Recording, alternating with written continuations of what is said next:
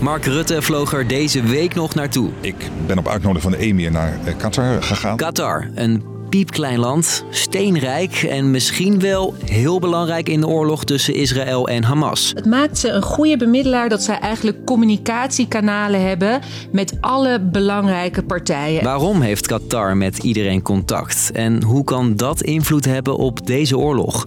Ik ben Steve en ik neem je mee naar het Midden-Oosten. We are hopeful that through the abilities that we have, that we can do things that others can't do around the region. Lang verhaal kort. Van NOS op 3 en 3FM. Qatar. Misschien ken je het van Formule 1 of het WK van vorig jaar. Nederland gaat winnen, jongens! Maar wat is het verder voor een land? Nou, Het is piepklein. In het Midden-Oosten ongeveer een kwart van Nederland. Er zijn natuurlijk heel veel hoge gebouwen, glimmende gebouwen. Het is allemaal heel modern. Zegt onze correspondent Daisy Moore, die haar paspoort inmiddels vol heeft staan met stempels uit Qatar. Het land is heel snel rijk geworden toen daar veel olie en gas werd gevonden. Er wonen zo'n 3 miljoen mensen in Qatar en maar 10% daarvan is Qatarees. De rest Dat zijn arbeidsmigranten, waar we het natuurlijk rondom het WK heel veel over hebben gehad. Maar ook heel veel mensen uit Europa, uit Amerika, uit Australië, die daar eh, naartoe gekomen zijn eh, om te werken. Dus eh, het is echt een hele gemengde samenleving. Het land heeft religieuze, conservatieve, islamitische regels. Zo is homoseksualiteit strafbaar en was er tijdens het WK bijvoorbeeld nog een hele discussie over bier. You don't accept uh, the cra- the craziness that's caused by big parties and stuff. Oké, Qatar ligt op een interessante plek in het Midden-Oosten en wil nu de bemiddelaar zijn in de oorlog tussen Israël en Hamas. Maar waarom? Nou, ze zijn zo'n beetje het enige land dat on speaking terms is met alle partijen. Iran, Hamas, Israël en Amerika. Je hoort Daisy weer. En dat is natuurlijk als bemiddelaar eh, heel belangrijk. Dat je met iedereen kan praten en dus op bepaalde manieren druk kan uitoefenen. En die partijen bellen niet alleen met elkaar. Nee, ze zitten ook echt in Qatar. Zo heeft Amerika een grote legerbasis. Een van de grootste bases in het Midden-Oosten. En nou ja, daar zitten dus Amerikaanse eh, troepen. Eh, de, de basis wordt gefinancierd ook door Qatar. En Hamas heeft een kantoor in Qatar. Een kantoor?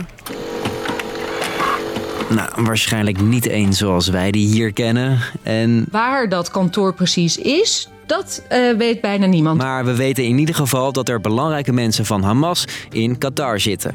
Het land heeft ook al jaren goede banden met Israël.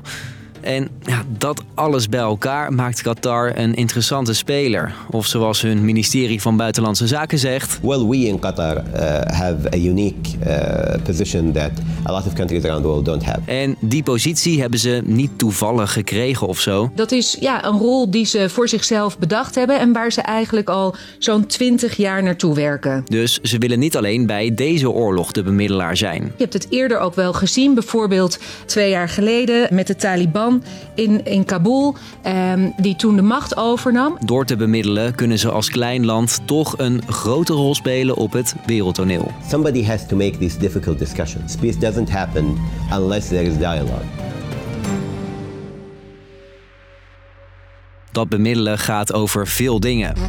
Het gaat eh, over het eh, vrijkrijgen van meer gijzelaars. Het gaat over de grensovergang eh, tussen Gaza en Egypte. Het gaat over humanitaire hulp die Gaza binnen moet komen. Dit is ook al deels gelukt, maar waar de Qatarezen het eigenlijk ook elke dag over hebben. Dat er een staakt het vuren moet komen. Zij willen heel graag zien dat het bombarderen eh, stopt. Dus daar, eh, ja, daar hebben ze het ook veel over. Met dus alle betrokken partijen, maar deze week ook met Ik ben op uitnodiging van de emir naar eh, Qatar eh, gegaan. demissionair premier Mark Rutte. Ja, dat was best een verrassing dat hij daar naartoe ging. Hij sprak met de emir, dat is de leider van het land. Over de oorlog, over mogelijke oplossingen, over de vrijlating van, van gijzelaars en eh, welke rol Qatar daarin kan eh, spelen. Hij kon natuurlijk niet zo heel veel vertellen achteraf. Of dat helpt en of dat tot een verandering leidt. Je hoopt in de optelsom van al die initiatieven dat dat leidt tot een verbetering van de situatie. Dat moeten we dus nog zien. Eén ding weet Daisy wel. Dat Rutte niet de laatste was die bij de emir op bezoek is geweest.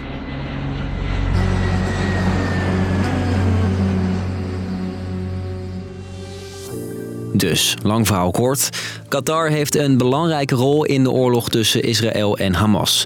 Het land heeft met alle hoofdrolspelers contact en wil ook graag bemiddelen. Dit lijkt tot nu toe deels te lukken, maar of ze ook een staakt het vuren voor elkaar krijgen is afwachten. Dat was hem voor vandaag. Morgen rond de klok van 5 zijn we er weer met een nieuwe. Tot dan!